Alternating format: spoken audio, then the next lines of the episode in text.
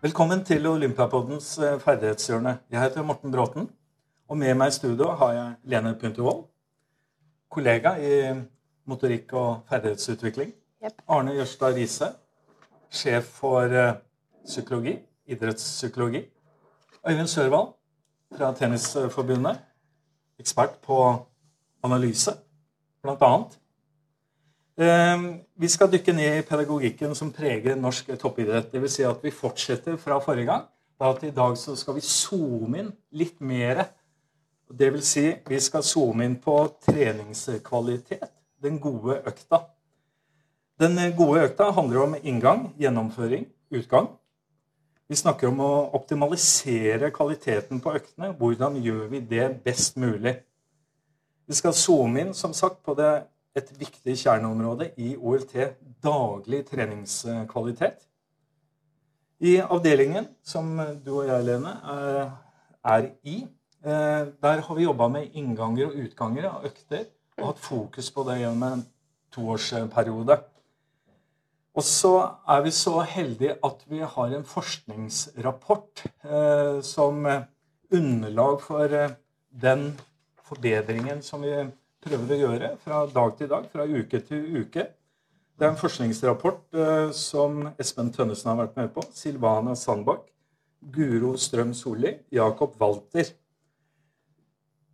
Hvilke faktorer er det som påvirker daglig treningskvalitet? Jeg kan gå gjennom den definisjonen, forklaringen, som eh, de har laga. Graden av excellence relatert til hvordan treningsprosessen eller treningsøktene utføres for å optimalisere tilpasninger og eller utvikle prestasjonen. Det argumenteres for at et miljø med høy oppgaveorientert læringsmotivasjon, kontinuerlig og dynamisk samspill mellom utøver og trener, og utøvers eierskap og dedikasjon i planlegging og forberedelser. Gjennomføring og oppsummering slash evaluering er spesielt viktig for å utvikle høy treningskvalitet. Ja, det var en lang definisjon og en lang forklaring. Lene, hvordan går du inn i øktene? Hvordan forbereder du øktene dine når du møter utøveren eller utøvergruppe? Altså Det viktigste med en inngang eh, for min del, det er jo å få en tydelig målsetning for økten. Og dette med forventningsavklaring. Eh, forventnings om hva forventes av meg i min rolle som trener i den situasjonen, og forventningen min til utøver. Um, og da drar vi ofte inn det vi gjorde sist økt òg, så vi prøver å OK, det vi jobbet med sist, hva er viktig eh, for deg? Har du opplevd noe i mellomtiden når du prøvde på dette eh, på ski eller i bassenget?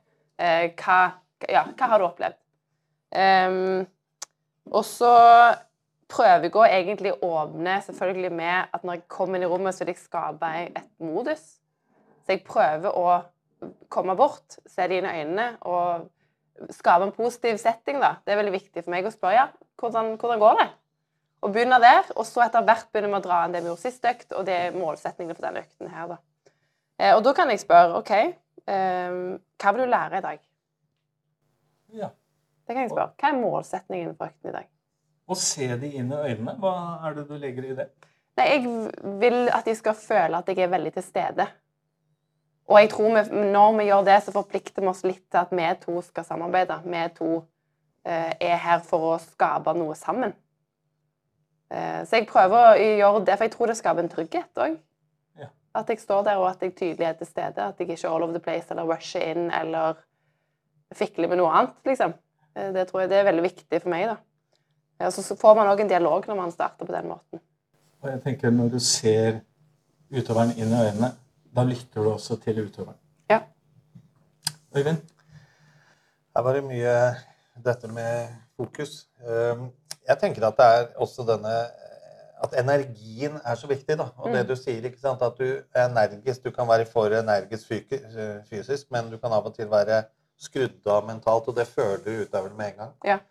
Så det er om å gjøre å komme inn i denne settingen hvor du er til stede, hvor du øh, mentalt og fysisk er til stede. Du viser at du har en lyst til å hjelpe dem. Du Mhm. ser på dem, og så sier du at i dag skal vi få til noe sammen. Og at de får lov til å være med på den, og særlig på et høyere nivå. Da, at de er med på den, det valget. At ikke du trer en oppgave utover og som ikke henger sammen med det de har opplevd f.eks. i tidligere eh, i konkurranse. Mm. At det er en rød tråd mellom det de har erfart, og det som vi går inn i her. Og at det er noe de har dialog med, med treneren. Og at du spør, da, som du sier, hva vil du lære, hva vil du trene på i dag? Hva vil du, hva vil du gjøre endringer på? Så jeg, tror- jeg tror det er, det er veldig viktig å trene på hvordan du går ut på scenen. Mm. Og at du kan være dritsliten en dag, men du kan fortsatt ta scenen. Men du må trene på det, da. Arne, du snakker jo en del om eh, kognitive prosesser. Hvilken påvirkning kan vi gjøre i en sånn inngang til eh, en økt? Hva, ut fra ditt ståsted, hva er det du vil formidle til lytteren på det? Først vil jeg jo si at altså, den artikkelen du refererer til, eh, den er jo også ganske klar og tydelig på at vi ut fra forskning vet ganske lite om hva som eh, skaper god treningskvalitet. Vi vet ganske mye vi, hvis vi snakker om load, altså intensitet, Mm. mengde eh, osv., så, så så vet vi ganske mye om hva man kan gjøre. Men så er det mindre kunnskap om, om hvordan man kan gjøre det, og, og hvorfor man gjør det. Og nå når vi snakker om eh, den gode økta og inngangen til den gode økta Når vi jobber med utøvere i, i mitt hode, så, så vil også inngangen og kvaliteten eh, på økta eh, vil være avhengig av at utøveren har også en høy bevissthet og en forståelse av hele treningsprosessen. Mm. For den enkelte økta er bare en del av, av, av den helhetlige treningsprosessen og den helhetlige treningsplanen. Eh, hvis utøveren har et sterkt eierskap til den og en sterk egen forståelse, så tror jeg det i seg sjøl kan sikre kvalitet i inngangen på økta. Fordi det som skal gjøres, det, det har en så sterk sammenheng med den helhetlige planen eh, at, eh, at inngangen kan bli, bli skarp. Mm. Line? Jeg bare tenkte um, på et eksempel med alpint, da, hvor vi har veldig sånn eh, omfattende planleggingsprosesser. Eh, og det er jo òg fordi at de har en barmarksperiode som er veldig intens. Men da går vi også inn, altså da har vi forankra dette veldig tydelig. Hva er, både hva er treningskulturen vi trenger for å skape best mulig læringsmiljø her i hallen, men òg liksom disse overordna målene og egentlig helheten. Og da føler jeg òg at det mye lettere å gå inn i øktene eh, med utøverne og få de individuelle eh, påminnelsene, men du, alle er veldig sånn Man prater en del om det som ligger rundt. da. Mm. Ja, det er, det er nettopp det jeg refererer til. Og det opplever jeg kan være en Der er utøvere på, på litt forskjellige steder. Mm. Jeg kan gi et lite eksempel. Eh, en utøver som nå er på det aller høyeste nivået, men som for noen år siden kanskje var på det nest øverste nivået og sto litt fast der, var i en struktur på et landslag hvor, eh, hvor det ble trent eh, mye, og det ble trent hardt. Eh, Men det var ikke noe særlig framgang. Det hadde vært noen år uten noe særlig framgang. Utøveren stolte på at hvis hun gjorde det som ble sagt i den kulturen, treningsmessig, så var det hennes beste sjanse til å bli god. For som hun sa, hva vet vel jeg om hva som skal til for å bli best? Jeg har jo aldri vært best. Men så ble vi jo enige om at trenerne dine vet jo heller tydeligvis ikke hva som skal til for å bli best, for du har vært i den kulturen i fem år uten å blitt noe særlig bedre. Så da gjorde vi en litt annen inngang i forhold til det med eierskap som nevnes i artikkelen der, og også kommunikasjon trener-utøver. Vi starta et litt annet sted. Vi starta der at hva er det du selv tror skal til for å bli best? Og da, da var utgangspunktet et annet. Eierskapet til den helhetlige prosessen ble mye sterkere. Og eierskapet til hver enkelt økt ble også mye sterkere og mye spissere på oppgaveorientering. Mye spissere på forventningsavklaringer rundt feedback. På hvilket nivå utøveren ønska at feedback skulle, komme. Så her er det en sterk sammenheng, da, føler jeg. Jeg tror, en ting er inngangen der og da, men inngangen i den helheten går jo også på hvor mye man har eh, research og det jeg holder på med, analysene, da. Mm. Så du kan legge på plass og si dette er faktaene. Er vi enige om nå-situasjonen? Mm. Er vi enige om hvor vi er hen? Fordi det er litt sånn at du kan ofte i et trenerteam eller mellom en trener og en utøver, så kan du ha litt forskjellig oppfatning hvor du er hen. Og det er mye lettere hvis vi blir enige om ok, vi er enige om her er vi. Vi vet at dette er på plass. Vi vet at disse tingene må vi jobbe med. Og da er det litt sånn at du går inn i økta da med litt mer sånn klarhet. Mm. Hva er hensikten nå? Hva er det vi skal Sånn at det ikke er en litt sånn eh, Utøveren mener det, og jeg mener noe annet. Men hvis du har da nok informasjon over tid på plass Den helheten du prater om, Arne, er veldig viktig for å tenke at dette er en del av noe. Og da er det fint hvis utøveren har trust, altså har tillit til at den informasjonen du kommer med, ikke er noe du synser på, men at det er noe du vet. Dette er faktisk det som er situasjonen. Mm.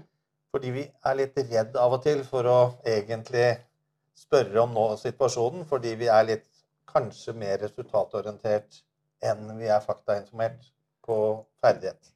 Jeg har lyst til å fortsette på deg, Øyvind. I forhold til eh, gruppe, ha en gruppe foran seg og ha én enkel utøver. Hva, hva er viktig å få frem i en gruppe?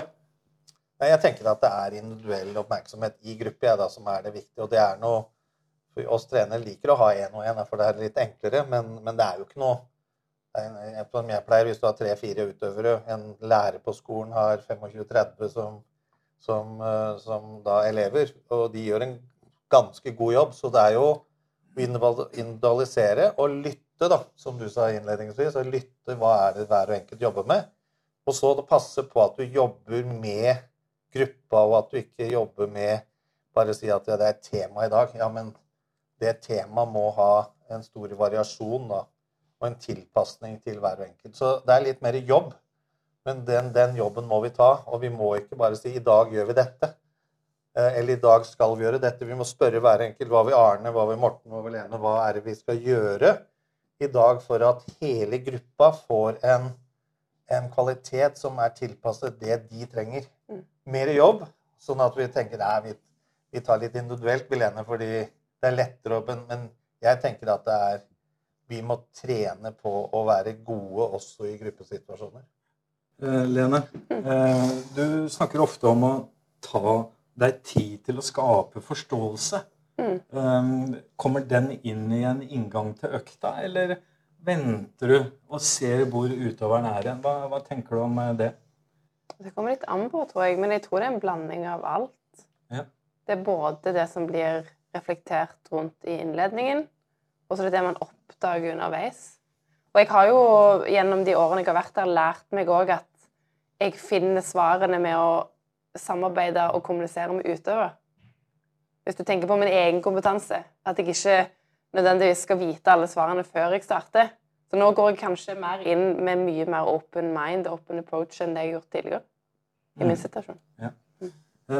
Jeg opplever å Hvis jeg skal si noe om eh, min eh, gjennomføring her, så jeg opplever eh, noen utøvere som sier at eh, Jeg husker ikke hva jeg gjorde forrige gang. Og da tenker jeg at eh, da har jeg gjort en dårlig Mm. jobb. Eh, Det å reflektere eh, utgangen av forrige økt inn i inngangen til kommende økt, Mm. det føler jeg som utrolig viktig i forhold til det å kan man kalle det, Arne? Hukommelsen. Påvirke hukommelsen. Påvirke minnet. For å øke kvaliteten på den kommende økta. Jeg vet, ja. Jeg syns det er veldig viktig da at når man evaluerer økten, og, går, og utøveren går for økten, at vi har to tydelige ting som skal jobbes og reflekteres og integreres til neste gang. Mm. Og det må være forenkla. Det må ikke være komplisert. Det må bare være to tydelige mål. Eh, for da òg holder man dette minnet gående. altså Man tar det med seg inn i den aktuelle idretten. da. Ja. Ja, det, ja. Mm. Ja, og det er en måte å gjøre det på. ikke sant? Du lærer av fastlegen din. Han slipper deg ut og sier at uh, hva du skal spise eller hva du skal gjøre. Og så når, to minutter før du kommer inn neste gang, så går han inn og ser hva var det jeg sa sist gang, og så får du en følelse av at han er der med en gang og skaper den tilliten. Oi, han husker liksom de tingene. Så jeg sier til alle trenere at du må ha en iPad. Så skriver du noen notater basert på noen bilder eller videoer du tar. Så husker du det, og så kommer du, så ser du på det, og så møter du utøveren neste gang. Husker du hva vi jobba med? Mm. Og da skaper du da du på en gang på. Hvis utøveren er litt sånn, hvis du kommer til utøveren, hva var det egentlig vi sa sist gang? Det er en litt dårligere inngang i en, i en sånn setting enn det å ha noe, noe som du gjør. Og da gjør du det på, på, i, på banen eller i salen. Ikke tenk at du må gjøre det etter treninga, men du gjør det der og da, for det har du tid til som trener. Å ta noen notater underveis, det er en smart måte å kommunisere på. Det er et godt innspill, for jeg gjør det etter øktene. Mm. Jeg sitter ned og skriver tre-fire notater som er viktige. Ta, Men kanskje vi heller skal gjøre det i Gjør det med en øyeblikket. gang. Det er Gjør det med en gang. For å jobbe, jobbe, vi skal ikke jobbe mer, vi skal jobbe smartere. Og jeg tenker at eh, video og bilde eh, er en god reminder på å gjøre den delen av treningsarbeidet som trener eh, på en god måte. Eh, vi må ikke bli for grådige. Eh, eh, jeg vil bevege meg inn i gjennomføringa av den gode økta. Vi må ikke bli for grådige, Øyvind. Du, kommer, eh, du har sagt noe om det. Ja da. Nei, det er, det er jo sånn at vi tenker at det, så hver økt skal altså, ha en sånn voldsom overskrift. Og særlig dette med antall ting du gjør, da. Så jeg har vel sagt det i den sammenhengen der at du går inn i økta med å prøve å gjennomføre én ting. Og så tar du den, og så legger du oppgavene etter hverandre istedenfor oppå hverandre. På den måten så blir du litt mer klar over hvor vanskelig det faktisk er å gjøre endringer og få til ting. Men eh, jeg tror mange ganger har jeg i hvert fall tatt meg sjøl i det at du ser én ting, og så plutselig ser du en ting til, og så kaster du det over det. Og så blir man litt grann, for sånn tenker at eh, ja, ja, det, dette er enkelt for utøveren, men det er jo ikke det. Sånn at når da presset kommer og situasjonen, konkurransen kommer, så er jo dette vanskeligere. Så jeg føler at vi skal ta inngangen med så i dag skal vi prøve å få til dette. Og hvis det ikke skulle gå, så tenker vi at da fortsetter vi på dette neste gang. Og tenker at det er en måte For vi tror alle sammen at vi har dårlig tid. Du møter en 14-åring og har dårlig tid, en 24-åring har dårlig tid. Men vi har egentlig ikke så dårlig tid hvis man tenker hver og enkelt oppgave skal, skal få til da før man går videre. Så det er vel det jeg tenker mest på, at vi kanskje ikke er flinke nok til å ta det litt med ro. Eh, Lene, du, du nevnte noe i stad i forhold til inngangen. Det å lære av hverandre. Eh, hvordan lærer du av utøveren, og hvordan lærer utøveren av deg? Har du noen tips i forhold til eh, hva du gjør her på Oi. Olympiatoppen? Det viktigste for meg er jo å stille de åpne spørsmålene til utøveren, og at utøveren forklarer det og setter det i en kontekst for meg. Og gjennom den dialogen, da, hvordan har dette betydning? Hvilken målsetning vår er å optimalisere f.eks. Eh, en sving i- alpint. Da. Der, er, der er en god sving eller en dårlig sving. Og så, og så jobber vi med saken, og så prøver jeg å hele veien uh, spørre utøveren ok, men kan du sette det, altså, hvordan kan du putte dette her inn i hvis det skjer en kort kontakt i, hvis det kommer en, et heng og altså Jeg prøver hele veien å gå tilbake igjen til det som skjer på teknikk på ski, da, f.eks. Mm. Um, ja. Og hva bruker du utøverne i forhold til eh, den påvirkningen også? Bruker du Du har ofte en gruppe i alpint. Mm. Bruker du utøverne mot hverandre? Gjør du såkalt observasjonslæring? At de observerer hverandre? Hvordan, hvordan former du den eh, delen? Ja, jeg bruker ofte at en partner ser på den andre. Ja. Absolutt. Eh, Og jeg kunne nok blitt enda bedre på, på det, tror jeg òg. Når man tror at ting er ganske forankra, så tror jeg det er veldig stor verdi å gå tilbake til det. Og så vet jeg at eh, du lar utøverne også coache hverandre. Ja. Sånn at de er en del av eh, coachinga gjennom, ja. gjennom økta. Og så føler jeg, Når det gjelder feedback òg, så er det jo veldig fint å, å filme og bare gå bort til utøverne og si 'Hva ser du?' Helt åpent. 'Hva ser du nå?' Og Da får man òg svar på hva de jakter etter, og hva de forstår og ikke forstår. Og Det er òg en måte å, at jeg skjønner hvor de er henne. Ja. Ikke bare for de, men òg for oss. Det vil si at du, du lytter til deres eh, evalueringer av hva de ser. Ja. Og så bruker du de ordene og begrepene de kanskje kommer med. Da. Blant annet. Og så kan det godt være at de spør meg 'Hva ser du?' Og så skaper vi en diskusjon rundt de ulike blikkene vi har, forståelsen vi har på dette.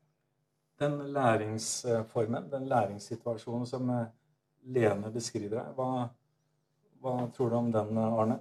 Jeg kjenner meg veldig, veldig godt igjen. Jeg føler at eh, eh, heldigvis så er vi mye oftere fasilitatorer for utøverens egne prosesser. enn eh, noen orakler eller noen som sitter med fasiten. Men eh, jeg føler at vår viktigste rolle er eh, å fasilitere eh, prosesser eh, hos utøveren. Og jeg føler at både når det gjelder daglig treningskvalitet, som er et fokusområde for oss i Olympiatoppen, og hvis vi også snakker konkurransegjennomføring f.eks., så er de endelige løsningene og de endelige svarene de er alltid utøverens egne. Men eh, vi, vi kan ha en viktig rolle i, i, i den prosessen, og vi kan utfordre Mm. uh, hele veien. Og når det gjelder det med daglig treningskvalitet og den gode økta, så er jo nettopp det er noe av starten. Uh, det helt basice, å utfordre på det. Og få i gang gode refleksjoner rundt det uh, sammen med utøver. Min erfaring er jo at som regel nesten alltid det er noe å gå på. Mm. Og særlig i forbindelse med det med forenkling, som jeg opplever at du snakker om. Legge ting i rekkefølge, skape en bevissthet. Det er vanskelig å på en måte eh, holde både Eiffeltårnet og Big Ben i hodet samtidig. Eh, At de blir bevisst på å rydde i prosessene sine. Og da er jo, da er jo det der Du blir ganske glad som trener når du stopper Det er flere i salen eller flere på banen, så stopper og så ser du Der fikk du det til. Og alle hører at du gir tilbakemelding til én utøver. Kan tenke deg det når du feirer det litt og sier 'jæklig bra', ikke sant? Da er du da er du eh, litt glad som trener også, for du ljuger ikke, selvfølgelig. Du gjør det bare når de har gjort det. Men den tilbakemeldingen og det, det, som, det som eh, Arne er inne på her, og du også sa det, dette her med å i økta, ikke sant, være litt eh, på i forhold til det å, å sette i gang øvelser, men ikke alltid være den som, som alltid skal være instruktør. Ikke sant? Det er den som du setter i gang øvelse, Også når det skjer, så må du feire og være litt, sånn litt på og si det. Der fikk du det til. Og det smitter Mm. i gruppa. Det smitter også over til neste øvelse de gjør. For da tenker de oi, nå skal jeg prøve en gang til å få det til. Og det er der da vi igjen sier jeg sier det flere ganger nå, merker jeg, men det å trene på dette Å trene og kjenne litt på hvordan er din følelse når du gir den type tilbakemelding, istedenfor den tilbakemeldingen som ofte skjer at vi, at vi stopper opp og sier du, nå må dere jobbe hardere her, dere.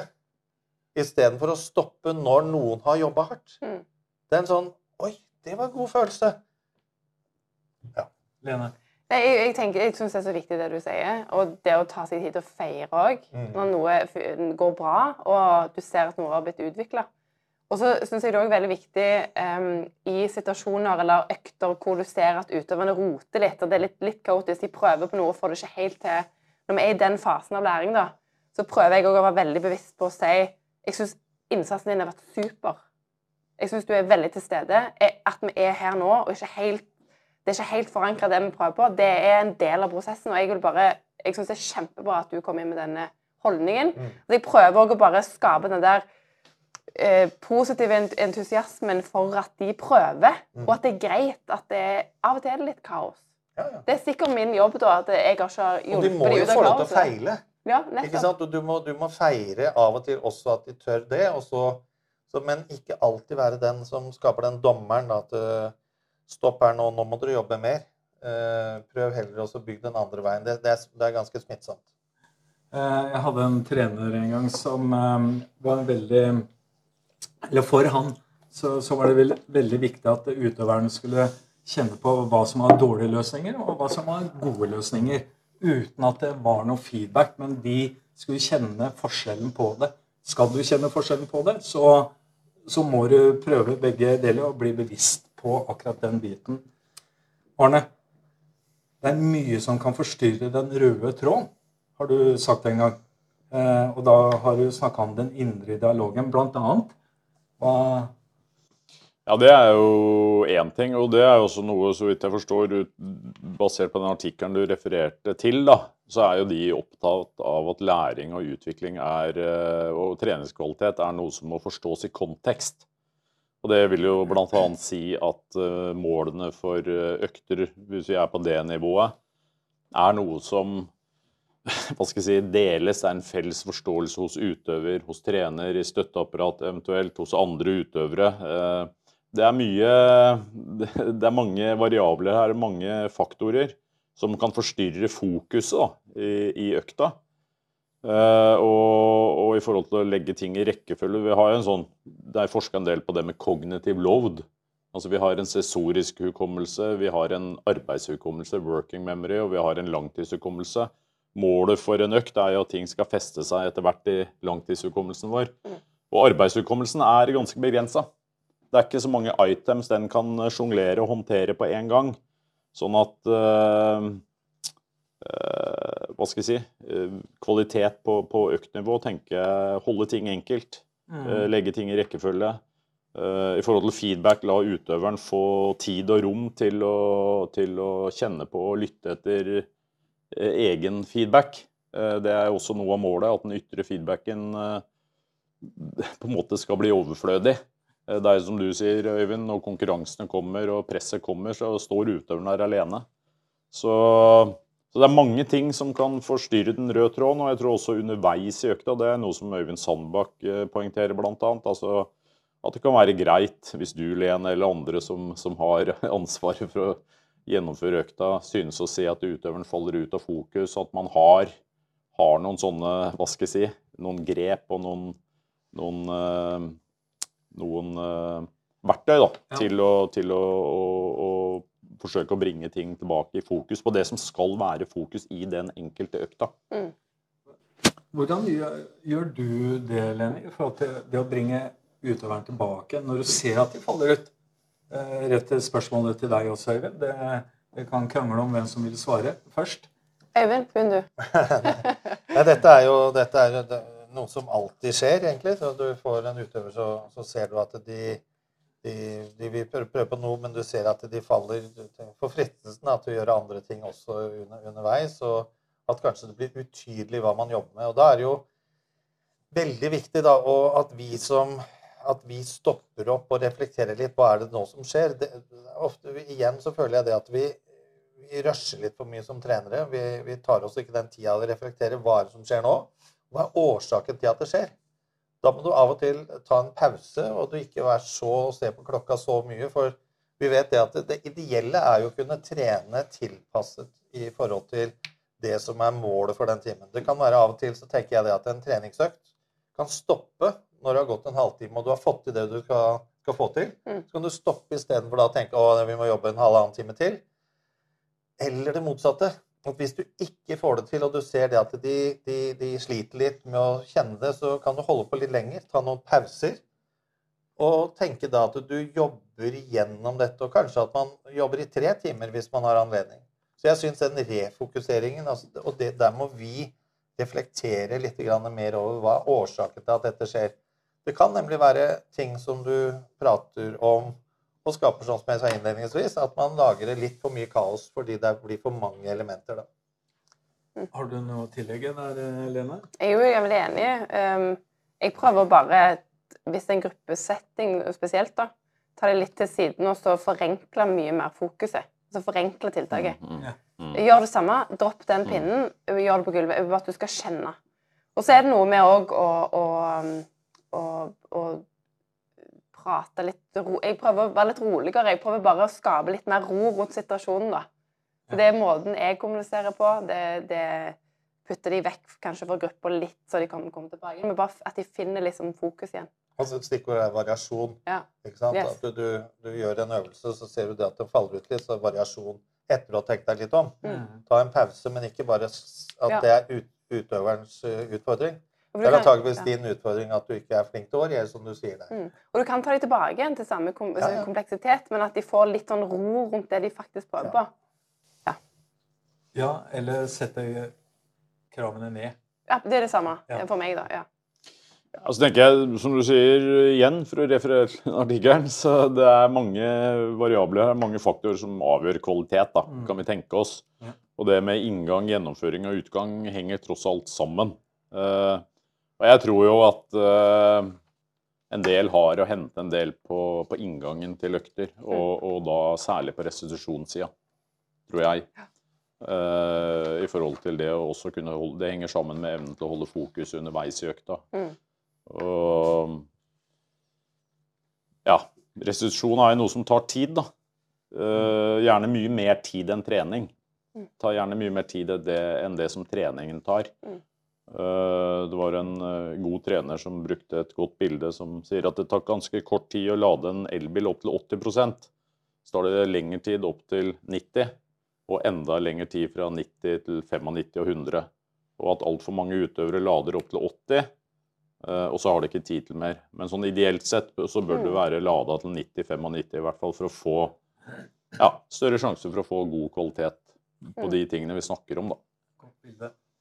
Vi hører jo av og til, Morten, at, eh, at utøverne sier til oss eh, oh, det, det koster meg så mye kognitivt.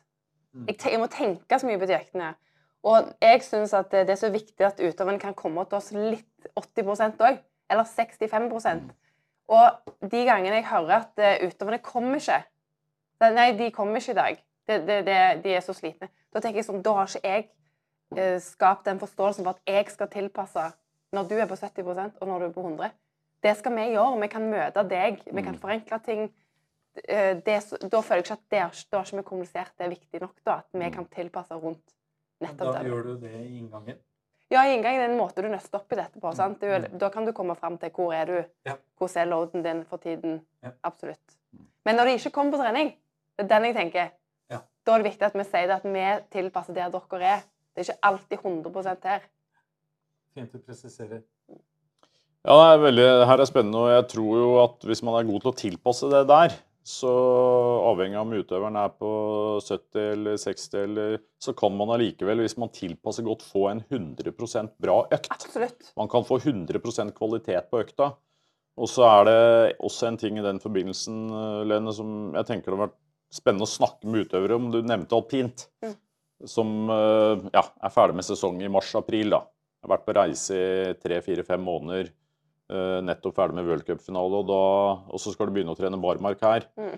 Hva er det de Er det lurt å putte på for mye cognitive load i, i tidlig fase av barmark, f.eks.? Altså de, de, de trenger kanskje litt space. Mm.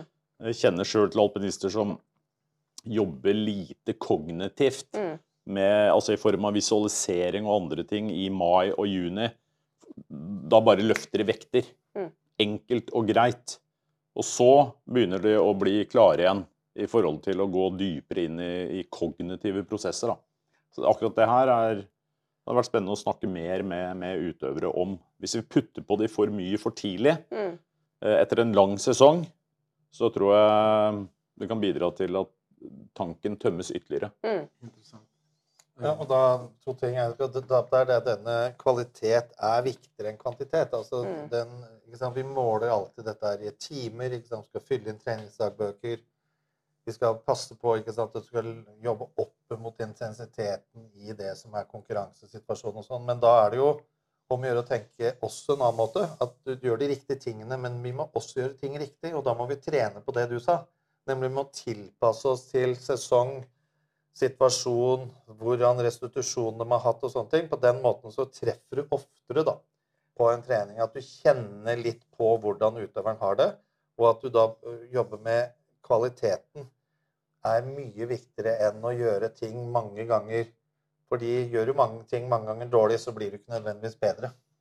Ja, og da er bare sånn kort da, er vi inne på det som uh, artikkelen snakker om, uh, altså den der trener-utøver-relasjonen. Altså treneres evne da, til å ta pulsen på utøveren. Eh, hvis vi snakker om den konkrete økta, og tilpasse ut fra det. Vi snakker ofte om eh, I gjennomføring av økta så ser vi forskjellen på rutinetrenere som snur bunken, og tilpasningsdyktige trenere. Eh, hvordan eh, Vi må jo gjennom noen rutiner også.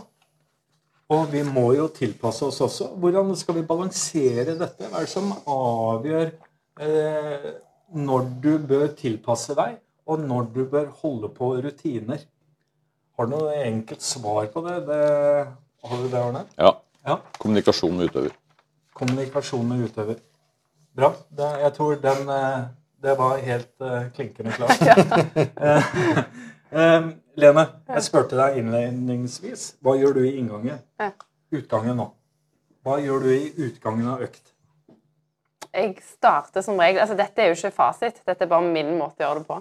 Men jeg starter med å spørre OK, Hvis du skal ramse opp to, to eller tre ting, begynner ofte med to ting.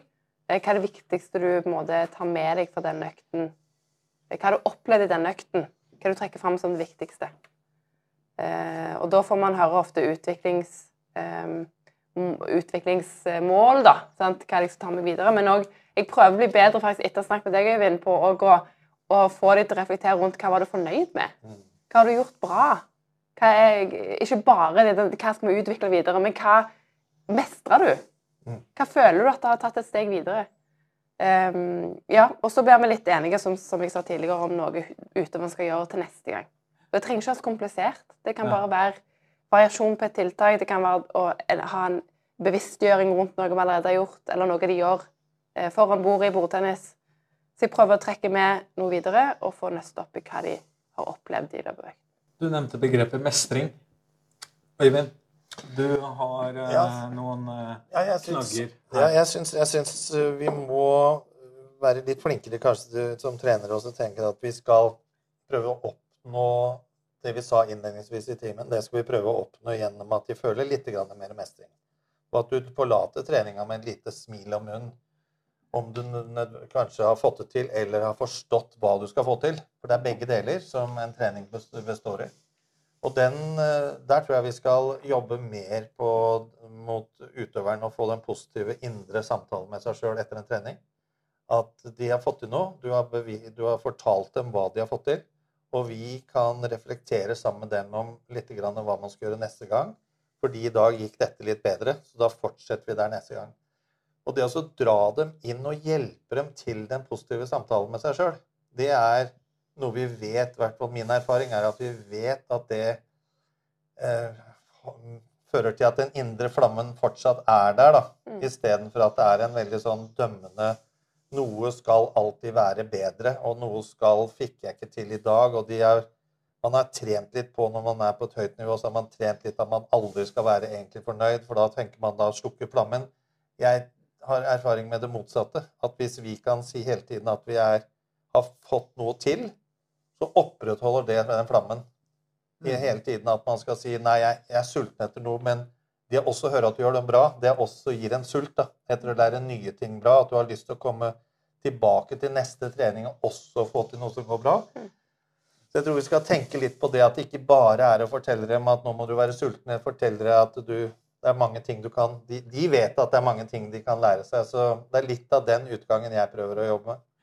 Lene? Ja, så kan man òg legge et, en øvelse på slutten av økten òg, som du vet at de får en god følelse av. Altså bare, rett og slett bare en sånn fysisk god følelse. Ja. Og opplevelse av mestring. Men jeg har spørsmål til deg, Morten. For, fordi tidligere så, så i utgangen av økten så sa du ofte til utøveren OK, på en skala fra 1 til 10, hvor fornøyd er du liksom med økten? Eller Mm. eh, hvor fornøyd er du med innsatsen til økten? Og så satt satte du òg et, eh, et tall på dette. Hva du følte eh, utøveren.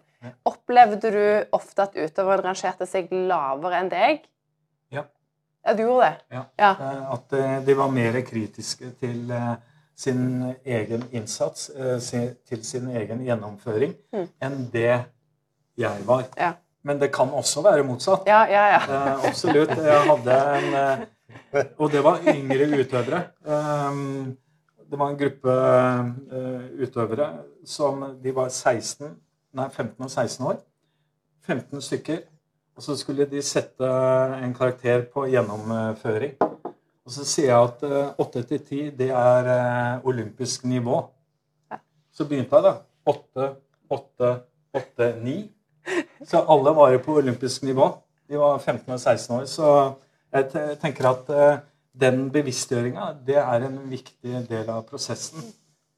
Mestring, som vi har snakket om, eh, det gjelder ikke bare for barn. Vi snakker ofte om mestring i forhold til barn og unge utøvere. Men det gjelder også for vår del. Eh, Når jeg begynte med Olaf Tufte i 2007, så var det mestring som sto i fokus. Men hva kan mestring være, Arne? Hva, hva ligger i det begrepet? Det, noen lærer seg noe nytt. Noen skjønner noe. Det er en mestring.